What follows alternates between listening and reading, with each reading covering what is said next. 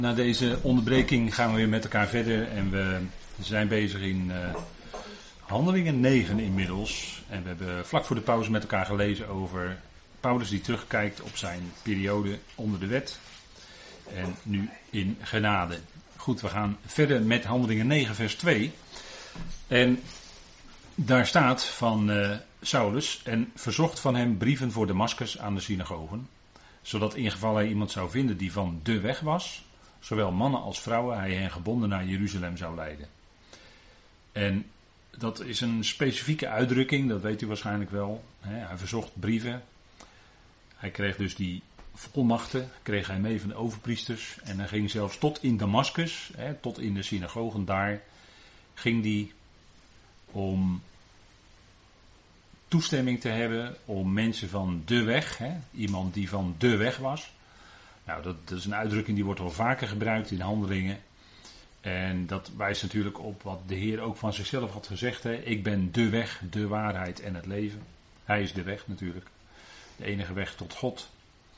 En mensen die van die weg waren, dat waren mensen die geloofden in de Heer Jezus als hun Messias, als hun verlosser. En er staat er ook specifiek bij, zowel mannen als vrouwen. En dat is een uitdrukking die niet zo vaak gebruikt wordt, maar dat is hier om de nadruk erop te leggen. Dat dus uh, hele gezinnen, hè, mannen en vrouwen, en ook individueel, uh, hij ontzag, uh, hij, hij had geen ontzag voor wie dan ook. Nee, hij was zo fanatiek bezig dat hij al diegenen, als ze maar enigszins iets te maken hadden met Jezus, dat hij ze zou meevoeren naar Jeruzalem en dat ze Saulus was vijandig richting Jezus, zo was hij bezig. En hij meende, en dat weten we uit zijn leven, hij meende heel goed bezig te zijn.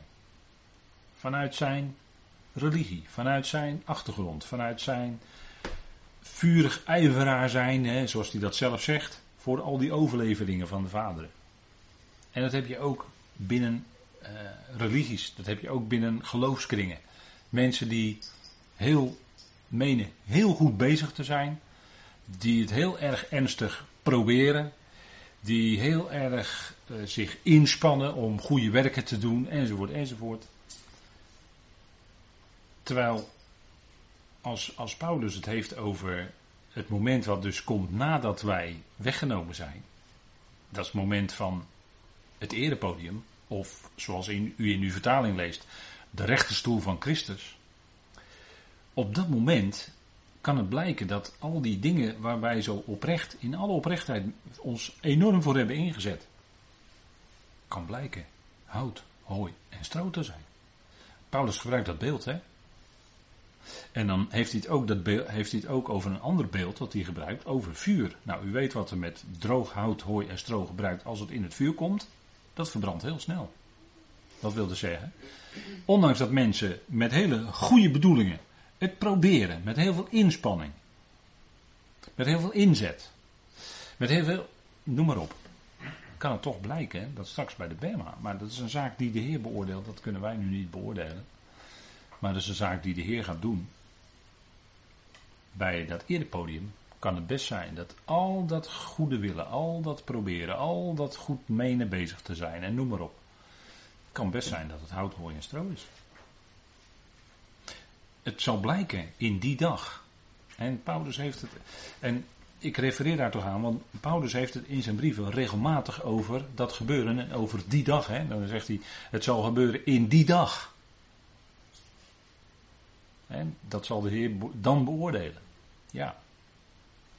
En zo was Saulus bezig in zijn vleeselijke ijver, in zijn enorm ingespannen bezig zijn, voor, ja waarvoor? Hij meende voor God. En tegelijkertijd bleek hij vijandig te staan ten opzichte van de Zoon van God. Jezus. Vijandig richting Jezus zelf. En dat was zijn. En zo spreekt hij er ook over. En dan komt ineens dat onverwachte van Handelingen 9. Toen hij nu ging, gebeurde het dat hij Damascus naderde. En plotseling flitste licht rondom hem uit de hemel. Ik haal hier even de NCV-vertaling aan van de website concordantepublicaties.nl. Waarbij ik wel de vrijmoedigheid heb om toch soms een woordje, net een ander woordje Nederlands weer te geven. Maar dat is dan misschien een kwestie van, ja, ik weet het niet. Zonder de, te bedoelen om uh, iets uh, in die zin te willen veranderen. Alleen, ja, goed. Licht. Licht. Als teken dat in feite als we het geestelijk dit bekijken, als teken dat hij bezig was in feite in zijn fanatiekheid. En notabene met die Torah. Waarin het licht, ja, dat was zeker, was bedoeld als licht voor de natie, zeker, zeker. Maar hij was vooral bezig met die, al die overleveringen, al die tradities. En waarvan de Heer Jezus ook zei, jullie hebben door jullie tradities het woord van God krachteloos gemaakt. En Daarmee waren ze toch in duisternis. En kijk, als Paulus het vergelijkt in bijvoorbeeld eh, de tweede Korinthebrief, maar ook in zijn andere brieven, met heerlijkheid, dan had hij die wetgeving, hè, die Torah, die gegeven werd op de Sinai enzovoort, waar, waar Joodse mensen nog steeds op terugkijken. En ze hebben ook de, de, eh, een feest erbij genomen, hè, dat staat niet in Leviticus, maar dat noemen ze dan de Simchat Torah, hè, dat is dan de vreugde van de wet. En dat hebben ze dan in de tijd van, eh, als ik het goed zeg, eh, Shavuot, hè, het wekenfeest. Dan hebben ze ook Simchat Torah. Dan uiten ze hun blijdschap over de Torah die ze toen gekregen hebben. En dat is natuurlijk ook geweldig, want de, de, de Torah is geestelijk, is Gods woord.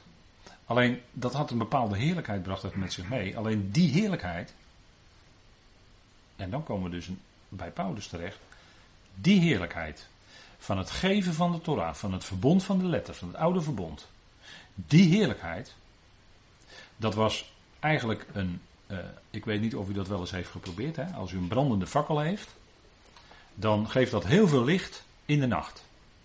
Als er verder geen lantaarnpalen aan zijn en u heeft een brandende fakkel, geeft dat heel veel licht. Maar als je die brandende fakkel, en die vergelijk je dan met het oude verbond, als je die houdt in het Midden-Oosten tegen de middagzon, dan wordt die brandende fakkel bijna zwart. Want dat gaat walmen en dan zie je allemaal walmen, zie je allemaal zwart. En, en dat geeft veel minder licht dan die felle middagzon in het Midden-Oosten. Want weet u wel hoe fel en hoe warm die middagzon is in het Midden-Oosten? Zeker als het zomer is. Dat hebben we meegemaakt toen we in Jeruzalem waren. Dat is bijna niet uit te houden. En dat geeft zo ontzettend veel licht dat als jij zo'n fakkel er tegenaan houdt, dan merk je dat die heerlijkheid of dat licht van die zon veel en veel groter is dan die heerlijkheid of dat licht van die fakkel. En die dingen, zo, zo zou je het met elkaar kunnen vergelijken. Dat die fakkel is dan wat licht geeft in de nacht. De heerlijkheid van de wet. Maar de heerlijkheid van de genade, ja, dat is die zon. En, dat is dat, en, en nog feller dan de middagzon staat er, dat is dat licht wat Paulus omstraalde. Waarvan hij drie dagen blind was. En sowieso dat, dat, dat, dat goede, goede nieuws, hè, goede bericht, dat evangelie van de genade, dat brengt ook zoveel licht dat als mensen dat voor het eerst horen, en ook mensen die, misschien wel mensen die echt geloven, maar als ze dat horen, dat, dat ze eigenlijk daardoor als het ware verblind worden. Dat ze denken van, hè? Zoveel? Uh, is het alleen genade? Is, uh, wordt iedereen echt gered? Als ze dat voor het eerst horen, is het zoveel licht.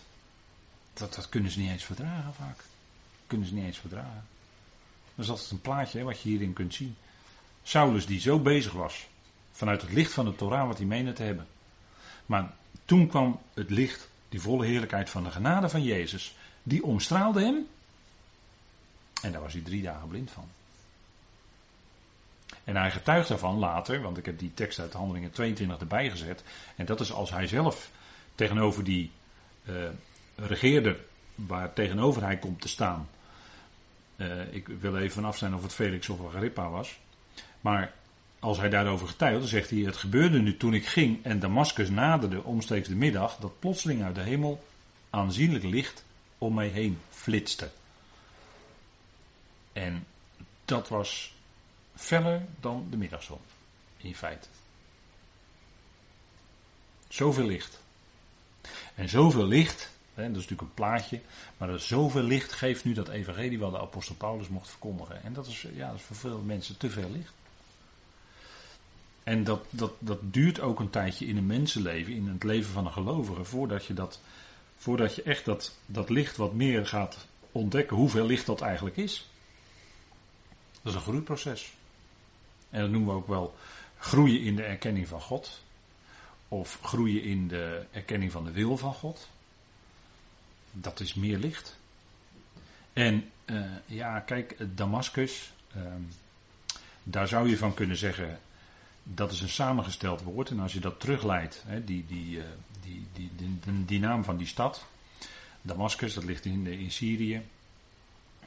als je dat terugleidt naar het Hebreeuws, dan is dat eigenlijk een samengesteld woord.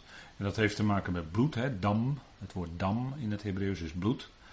En uh, shach, dat is dan het woord dat betekent gieten. En dan heeft het te maken met uitgegoten bloed.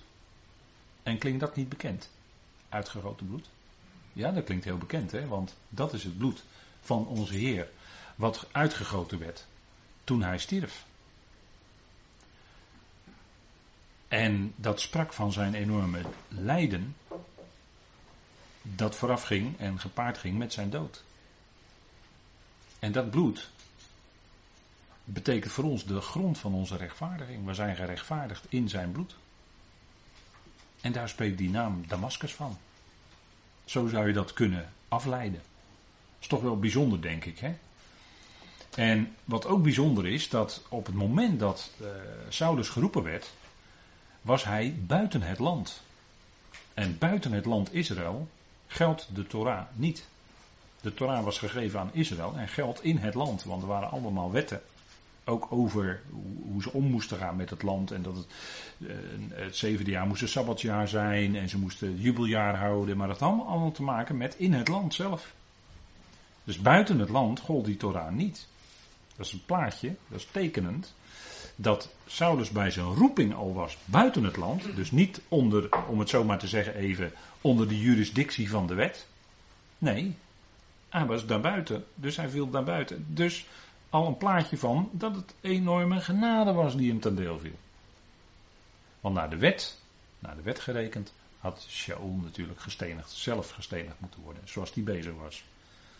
Als je dreiging en moord tegen onschuldige mensen blaast, dan overtreed jij zelf de wet die zegt: gij zult niet doodslaan. En dan ben je zelf des doods waardig. Dan moet je zelf eigenlijk door diezelfde wet ter dood gebracht worden.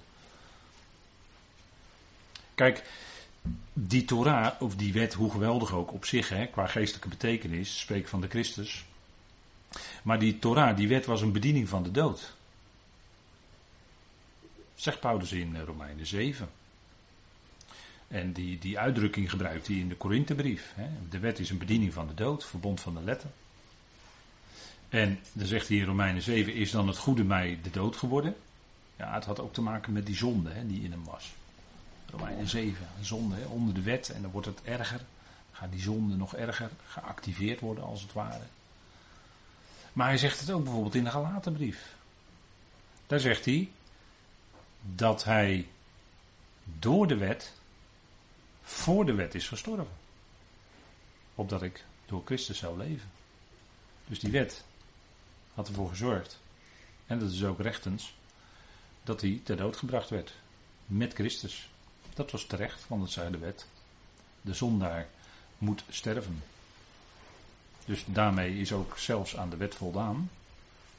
Als wij gerekend worden bij Christus zelf, die aan het kruis stierf maar daarbij rekent God die hele oude mensheid. En dat is terecht, want die mensheid verdiende de dood. Dat is terecht. En dan is aan de wet voldaan. Dus door de wet, die eigenlijk ten leven bedoeld was, stierf hij. En nu hij gestorven is, kan alleen nog maar dat leven van Christus door hem heen uitgeleefd worden. En wat ik nu nog leef in het vlees, leef ik, zegt hij, door het geloof dat van de Zoon van God. Zo, dat, dat is, ja. Dat zijn evangelie. Dat is evangelie. En eh, ik denk, als u dat hoort, dan bent u daar blij mee. En elke keer als je dat hoort, word je daar weer blij van. Kijk, het gaat niet om ik, hè. Nee, het gaat om Christus. Het gaat niet om mijn eigen leven. Het gaat om zijn leven, wat door mij heen uitgeleefd wordt. En als dat gebeurt, dan word je daar blij van. Dan geeft dat vreugde in je hart. Dat is, dat is het bijzondere, hè? En dan zegt hij van dat, van dat gebeuren. En gevallen op de aarde, handelingen 9, vers 4, hoorde hij een stem zeggen tot hem: Saul, Saul, waarom vervolg je mij? In handelingen 22 staat het vrijwel hetzelfde, waarin hij getuigt en hij zegt: En ik viel op de grond en hoorde een stem tot mij zeggen: Saul, Saul, waarom vervolg je mij? U ziet tekenen toch hier die tekst, hè? daar moet je dan op letten als je de Bijbel leest. Hij viel op de grond. Dat is al een teken van zijn verootmoediging. Hij kon niet meer op zijn benen blijven staan. Nee, hij moest op de grond vallen. Verootmoediging. Het, het basiswoord voor verootmoediging is nu eenmaal laag. En dat is wat de Heer zelf als gezindheid toonde. Hij was dienend bezig. Hij was laag en hij verhief zich niet boven de anderen. En hij hoorde een stem. Ik hoorde een stem tot mij zeggen. En die stelde hem een vraag. Het woord stem in het, in het Grieks is het woord phone, dat kennen we wel, van uh, telefoon en mobiel, mobile phone en uh, grammofoon, dictafoon. Nou, we kunnen nog een heel rijtje eh, met foon erin. Hè? Maar het woord hè, in het Grieks betekent eigenlijk geluid. En het wordt ook vaak vertaald met stem. Omdat een stem brengt nou eenmaal geluid voort. Dus hij hoorde een stem. En dat was de stem die hem niet veroordeelde. Maar dat was de stem van de liefde. Die hem een vraag stelde. De Heer had alle recht om hem te veroordelen. De Heer had alle recht om hem ter plekke dood te laten neervallen was volkomen terecht geweest. Nee, gebeurde niet. Er waren ook geen donderwolken. Er was ook geen uh, felle bliksem, waar bijvoorbeeld Luther bang voor was. Nee, er omstraalde hem licht. Licht. Het licht van de liefde van God. Dat omstraalde hem. Zo'n vijand. En de Heer treedt hem tegemoet met liefde. In genade. Nou, dan heb ik eigenlijk opnieuw tegen u het goede bericht mogen vertellen. Want dat is het. Een vijand die met liefde tegemoet getreden wordt.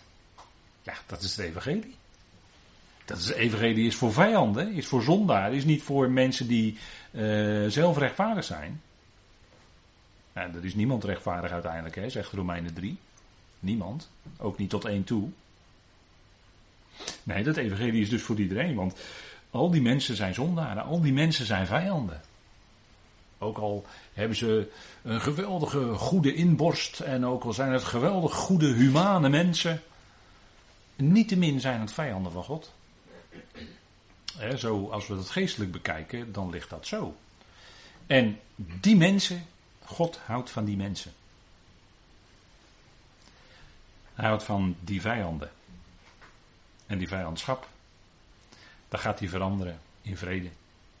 Gaat hij veranderen door ze te verzoenen met zichzelf. Wie doet dat? God. De mens kan zich uit zichzelf niet verzoenen met God hoor. Dat is een sprookje. God verandert mensen. God verzoent mensen met zichzelf. Die verandering in die mens, die bewerkt God. Die mens hoeft zichzelf niet eerst om te keren of te bekeren of wat dan ook, of goede werken te doen of wat er. Wel nee, allemaal. Dat is allemaal kwats. Nee, God verandert mensen.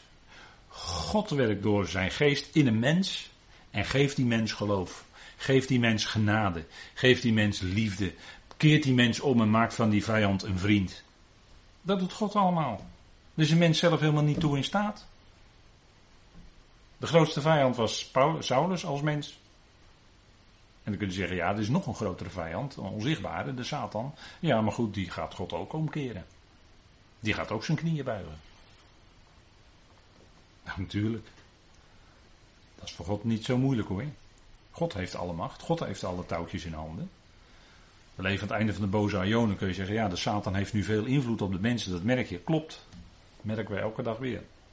En toch is God veel groter dan die tegenstander. En die tegenstander kan niet meer doen dan die grens die God geeft. Hier, dan zegt hij tot hier toe. Satan. En die kan er niet over dat lijntje komen, want God had gezegd tot hier toe, dat lijntje. Kan hij niet overheen komen. Zo ligt dat. En ja, anders is het niet. Bovendien, en in uh, Handelingen 26 komt uh, Saulus daar ook nog even op terug, Paulus. Bovendien, terwijl we alle neervielen, Handelingen 26 vers 14, op de aarde hoor ik een stem tot me zeggen in de Hebreeuwse landstaal, Shaul, Shaul, waarom vervolg je mij? En dat Shaul, en dat hij in het Hebreeuws toegesproken werd, is wel uh, opvallend hier, dat het hier zo expliciet even door Paulus genoemd wordt. Want in het Hebreeuws is Shaul betekent eigenlijk gevraagd. Gevraagd. En er wordt hier hem ook een vraag gesteld. Hè? Shaul, Shaul. En in de naam zit al die vraag, want dat, is, dat verwijst terug, daar kom ik zo meteen nog even op terug, naar koning Saul. Dat is eigenlijk dezelfde, dat is eigenlijk dezelfde naam. Koning Saul en Shaul hier, Saulus van Tarsus. Hebreeuws, gevraagd, en dat hangt samen met het Hebreeuwse woord Sheol. Dat, dat in het Hebreeuws, als je dat ziet, die woorden naast elkaar, is vrijwel hetzelfde woord. En kijk, dat woord Sheol, daarvan zeggen we ja, dat is het dodenrijk. Ja, dat is een beetje, vind ik toch een beetje lastig. Die NBG-vertaling met dodenrijk. Het is geen rijk van de doden. Er is geen rijk van de doden. Er is niet een rijk waar de doden ergens vaag als schimmen of zo voortbestaan. Die, dat bestaat niet. Als je, aan een, als je aan een echte Jood vraagt, die zijn schriften kent. Als je vraagt van joh, waar is die overledene nou? Dan zegt hij. Een groot vraagteken. Dus met andere woorden, waar of wat? Die dode is er niet meer. Ja, goed, dat lichaam is begraven daar. Maar die dode zelf, die is er niet meer. Dat is die vraag. Dus hij zegt eigenlijk op zijn gezicht zit een groot vraagteken. Dat is eigenlijk Sheol. Nou, dat hangt dus heel nauw met elkaar samen. Kijk, koning Saul was de koning die gevraagd was door de mensen. Gevraagd. Shaul betekent gevraagd. Het volk vroeg om een menselijke koning. Ze wilden niet langer een uh, theocratie. Dus ze wilden niet langer door God zelf geregeerd worden. Nee, ze wilden net als de omringende volken wilden ze ook een mens als koning hebben. En toen kregen ze eerst heel even een ander, maar toen kwam koning Saul, 40 jaar lang. Shaul, de gevraagde. En Shaul is eigenlijk een type van de, is, is degene, moet ik eigenlijk zeggen, kan ik misschien beter zeggen. Shaul is degene die David, die voor hem in de plaats zou komen, de geliefde, die David vervolgde. En daarmee, en als je die levens van Saul en David, die tegenover elkaar stonden enzovoort, hè, als je die met elkaar vergelijkt, zou je kunnen zeggen dat is hetzelfde in feite als Jezus en die andere Shaul, Saulus. Shaul, koning Saul, vervolgde David. Saulus, die latere Shaul, die vervolgde Jezus. Dat was een vijand van Jezus. Het is in feite dezelfde lijn, hè? hetzelfde principe. En dan heb ik eronder gezet, dat is hetzelfde principe als genade en wet. Genade en wet. Kijk, Shaul is de koning, is een type van de regering van de wet. En onder de regering van de wet worden degenen die geliefd worden, David, die een type is van de regering van de genade, worden vervolgd. Dat, dat zijn dingen waarvan Paulus dan zou kunnen zeggen, dat zijn dingen die een diepere betekenis hebben, die een andere beduiding hebben, of een allegorie, zoals hij dat in de gelaten brief gebruikt. Waarin die Hagar en Sarah tegenover elkaar zet. En dat is exact hetzelfde principe. De slavin, Hagar, de Egyptische slavin, vervolgde de vrije. En dat gebruikt Paulus in zijn betoog over het verschil tussen de principes van wet en genade. Degenen die onder de wet zijn, die vervolgen degenen die onder de genade zijn. Dat is altijd zo. Dat is altijd zo. Dat was in, later in het leven van Paulus zelf ook. Daarom refereer ik eerder aan dat Paulus later uit de synagoge gegooid werd. En toen ondervond hij diezelfde vervolging, namelijk in de synagoge gold de wet. En Paulus werd eruit gegooid, want degene die onder de wet zijn, vervolgen degene die onder de genade is en die de genade predikt. Dat is hetzelfde principe. dus je ziet al in die geschiedenissen van Tenach, zie je al de typologische aanduiding van datgene wat later in de Griekse schrift, en vooral door Paulus, uiteengezet wordt. En dan ga je het ineens zien hoe het zit. Zoals een bekende overleden voetballer inmiddels zei: Als je het door hebt, dan zie je hoe het zit. Hè? Of eh, als je, als je ziet hoe het zit, dan heb je het door, zoiets, zei hij. En dat is ook zo. En kijk, die principes, dat komt terug. Hè? Uh, kijk, wie bent u, Heer? Dat is een vraag van velen, want het gaat verder in Handelingen 9, vers 5. Hij echter zei: Wie bent u, Heer? De Heer nu zei: Ik ben Jezus, die jij vervolgt. Want de Heer had aan hem een vraag gesteld. En dat is typisch Joods, dan gaat Saulus een tegenvraag stellen. Hij zegt: Wie bent u, Heer? En hij noemde hem al Heer, hij noemde hem al Curios. Hè? En toen zei de Heer tegen hem, en dat was al een, denk ik al een openbaring. Ik ben Jezus die jij vervolgt. En wat zei hij toen? Hij zei tegen hem: Ego eimi. Dat wil zeggen, ik, ik ben. Want eimi is eigenlijk al ik ben in het Grieks. Maar er staat ook nog eens een keer ego voor om het heel sterk te benadrukken. Ik, ik ben Jezus die jij vervolgt. En daarmee zei de Heer in feite tegen hem: Jaweh, ik ben. Dus hij openbaarde zich, de Heer Jezus openbaarde zich aan Saulus als de ik ben. Als degene die Yahweh representeert. Hij is de uiterlijke, de zichtbare, die God zelf representeert. Dat is de Heer Jezus. En daarom kan de Heer Jezus zichzelf ook ik ben noemen, omdat hij als enige op zo'n hoog niveau zijn God en Vader mocht representeren. En dat is wat de Heer ook steeds gebruikt, hè, die uitdrukking. Hij zei, als je Johannes met name ook naslaat, zei hij: Ik ben de opstanding en het leven. Zegt hij ook ego eimi. Ik, ik alleen ben. Ik ben het brood van het leven. Ik ben de bron. Ik, ben de wa ik geef je het water van het leven om niet. Ik ben het licht van de wereld. Enzovoort. Al die ik ben uitspraken, weet u wel. Daarin zegt hij steeds dat hij de Yahweh representeert. En dat blijkt ook in Tenach, en dat kun je ook aantonen bijvoorbeeld in Zacharia. Als Yahweh zich zal laten zien aan zijn volk, dan, zal, dan zullen de stammen van het land weeklagen en zich op de borst slaan. Want ze zullen zien wie ze doorstoken hebben. En dan wordt er gerefereerd aan de naam Yahweh. Kijk, hier zien we dat Shaul onder de wet Jezus vervolgde. Want de Heer zei tegen hem: Ik ben Jezus die jij vervolgt. En dat is ook de vraag van velen, want het kan wel zijn dat mensen eh, vastzitten, enorm vastzitten in tradities, misschien wel echt gelovigen zijn. En in die zin zich nauwelijks bewust zijn dat ze bij het lichaam van Christus horen, maar er wel bij horen. Dat kan. Maar je kunt zo vast in de traditie zitten, dat je als je werkelijk de Christus van de schriften gaat leren kennen, dat je van de ene verbazing in de andere valt. Hè? Die Jezus waar ik wel eens wat van gehoord heb en wie ik, in wie ik eigenlijk wel geloof. En bij wie ik wel iets van liefde proef. Maar die Jezus, die heb ik eigenlijk nooit zo gekend. Wat is die geweldig, wat is die groots, wat is de zoon van God en hij representeert God de Vader als geen ander en noem alles maar op wat, wat de schrift duidelijk maakt over wie, wie hij is. Hè? En, en, dus het kan best zijn dat heel veel oprecht gelovigen zich toch afvragen: wie bent u, Heer? En als je dat gaat afvragen als gelovige en je bidt daarvoor: wie bent u, Heer? Openbaart u zichzelf aan mij. En je gaat dan zijn woord bestuderen. En je komt bij Paulus terecht. Uiteindelijk. Dan ga je zien wie die werkelijk is, die Heer. Dat hij zo groot is. Dat hij de Heer is van hemel en aarde. Dat hij gesteld is boven al die geestelijke machten en krachten. Dat alles in feite al onder hem. En het kwestie van tijd dat alles echt onder zijn voeten gesteld gaat worden. Dat al die vijanden uh, moeten capituleren. Kijk, hier zien we dus dat Shaul onder de wet vervolgde in feite Jezus. In die mensen van de weg vervolgde hij in feite Jezus.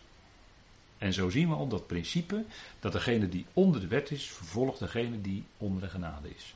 En dat principe is altijd aanwezig, ook vandaag aan de dag.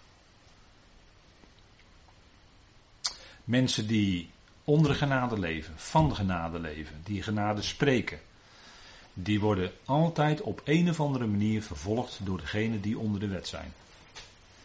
Dat is altijd zo. Dat is het principe gewoon wat Paulus zegt in Galaten 4. Dat de slavin vervolgde de vrije. Hagar en Sarah. De slavin en de vrije. Dat hebben we met elkaar besproken in Galaten 4. En anders zou ik zeggen, luistert u die studies nog maar eens terug. Want dan wordt dat principe wordt door Paulus daar uitgewerkt hè, in de gelaten brief. En, en, vooral dat stukje lezen is al duidelijk, maakt al veel duidelijk. Hè, dat is het belangrijkste Die schrift zelf lezen. Wie bent u, Heer? Heer, maak uw woord aan mijn hart bekend. Als je dat bidt, oprecht. En de Heer geeft je dan dat oprechte gebed. Dan gaat hij dat ook vervullen en dan gaat hij ook dat waarmaken. Dan ga je het zien, dan ga je steeds meer ontdekken. Het is ook God die het gebed in ons legt. De Heer Jezus, voordat hij zijn discipelen uitkoos, was de hele nacht in het gebed van God, staat er dan in Lucas 6. Het gebed van God. Dus dat gebed was door Vader zelfs aan hem, zelfs aan hem gegeven. Moet u nagaan. En op basis van die nacht van gebed koos hij zijn discipelen uit. En daar zat ook Judas bij. En hij wist van meet af aan dat Judas hem zou verraden. Of ik kan beter zeggen dat Judas hem zou overleveren. Dat is zuiverder. Dat is wat er staat. Judas zou hem overleveren. En Judas moest dat ook doen. Judas was gekozen om die rol te vervullen, om het zo maar te zeggen. Judas had daarin geen vrije wil. Nou, nou raak ik weer een ander moeilijk punt, hè, zo aan het eind van de avond. Een vrije wil. Ja, mensen hebben geen vrije wil hoor. Dat is echt een fantoom. Dat is een fantoom, de vrije wil. Dat is een, uh, ja, misschien is het wat. Uh, de vrije wil, dat is eigenlijk een sprookje. En u weet wat we met sprookjes doen. Sprookjes zijn nou helemaal per definitie niet waar. De vrije wil bestaat niet, kan niet. Dat kan je zo eenvoudig al duidelijk maken. Zo eenvoudig. Mens heeft helemaal geen vrije wil. Echt niet. Maakt u zich nog geen illusies. Want dat is alleen maar ter verheffing van de mens. Dat hij meent in zijn waan. Want dan loop je echt in een waan hoor. Als je denkt dat je vrije wil hebt als mens. Dat jij het allemaal zelf kan bepalen. Nou, dan loop je echt in een waan hoor. Dan echt, dan loop je niet in de werkelijkheid. Dan loop je in je eigen bubbel, om het zo maar te zeggen. In modern taalgebruik. Hè. Dan loop je in je eigen bubbel. Totdat God een keer die speelt in die bubbel zet en dan pats. En dan ontdek je ineens dat je helemaal geen vrije wil hebt. En ontdek je eens achteraf dat jouw leven zo heeft moeten gaan. Dat heeft Saulus ook moeten ontdekken. En die zegt achteraf: Ja, maar ik was van mijn moederschoot af aan. Was ik al afgezonderd door de Heer. Van mijn moederschoot af aan. Had God zijn leven al bepaald. Wat zitten we nou dan te praten over een vrije wil? Dat kan toch helemaal niet? Dat is toch onmogelijk? Ja, maar de mens heeft wel een eigen wil. Ja, ja, daar heb ik ook wel een tijdje, jaren geleden heb ik dat ook wel een tijdje gedacht, maar daar ben ik toch wat van teruggekomen eigenlijk. Daar ben ik toch wat van teruggekomen.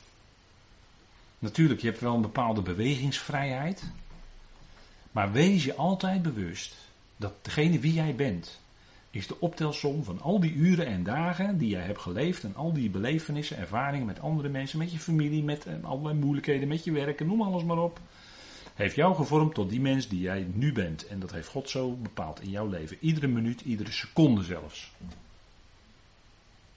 Waarheen zou ik kunnen gaan voor uw geest? Zegt Psalm 139 toch? Al zou je naar Australië verhuizen. Maar je kunt niet ontkomen aan de geest van God. Zelfs al zou ik opklimmen tot in de hemel, zegt David in Psalm 139. Of zou ik me neerdalen in de Sheol. Nou, daar bent u ook. Je kunt niet ontkomen aan de geest van God. Die is overal. En uh, God heeft je lief. Dat is geen, uh, geen dreiging of zo. Nee, God heeft je lief. Maar je kunt nooit, en dat is het geweldige, dat is eigenlijk die troostvolle gedachte. We hebben geen vrije wil. Nee, we kunnen nooit uit zijn hand weglopen. U heeft niet een eigen wil om uit zijn hand te kunnen weglopen. Dat kunt u niet eens. Onmogelijk. En uw kind ook niet. En uw kleinkind ook niet. En uw achterkleinkind ook niet. Die zijn allemaal in zijn handen. Zijn met een hoofdletter. Is dat niet een geweldige troost? Is dat niet een bemoediging? Ik denk het wel. Kijk, als je zo naar die dingen mag leren kijken. En ook dat is genade, dat je dat zo mag zien. Dat, dat is ook genade. Want dat kun je ook helemaal uit jezelf niet. Maar soms moeten we de dingen wel eens, zeg ik misschien de dingen wel eens wat scherp en wat fel. En, maar eigenlijk eh, bedoel ik daarmee even u wakker te schudden en te zeggen van joh, kijk, kijk nou hoe geweldig dat is, hoe dat zit. God gaat alle tranen van de ogen afwissen. Dat is een ding wat zeker is. Goed, zullen we daarvoor danken, deze avond in dank afsluiten. Vader, dank u wel dat we met elkaar weer mochten nadenken over die geweldige roeping van Saulus. Wat voluit genade is en niet anders kan zijn dan genade. Hij was een vijand van Jezus. En in zijn woeste vijandschap ging hij tegen Jezus tekeer. Vader, en op dat moment greep u hem. En dat was genade. Dat kan niet anders, vader. Dank u wel. Dank u wel dat we zo duidelijk dat mogen zien. En ook dat is genade dat we dat zo duidelijk mogen zien. Vader, dank u wel dat u ons oor heeft geopend, dat u ons hart heeft geopend. Voor dat unieke evangelie van genade. Die lijnen die we mogen vasthouden. En ook daarvoor geeft u de genade dat we die lijnen kunnen vasthouden. Vader, dank u wel dat we zo vanavond weer met elkaar bezig mochten zijn. En ja, vader, die unieke apostel werd van een felle vervolger een liefdevolle verkondiger van evangelie van genade en verzoening. Vader, wat geweldig is dat. Wat een verandering heeft u in dat leven teweeggebracht. En wat ook een verandering heeft dat in ons leven gegeven. Dat we dat misschien ineens of in een proces gingen zien. Vader, dank u wel dat u ons roept. Dat u ons roept in uw liefde. En dat we, Vader, die genade van u ontvingen. Ook vanavond weer om hiermee bezig te kunnen zijn in de broederlijke vriendschap, in de liefde met elkaar. Vader, dank u wel voor ieder die vanavond meekeek en luisterde. Vader, dank u wel dat u dat gaf, wilde geven. Vader, dank u wel dat we weer bemoedigd verder kunnen en dat we blij mogen zijn met zo'n boodschap.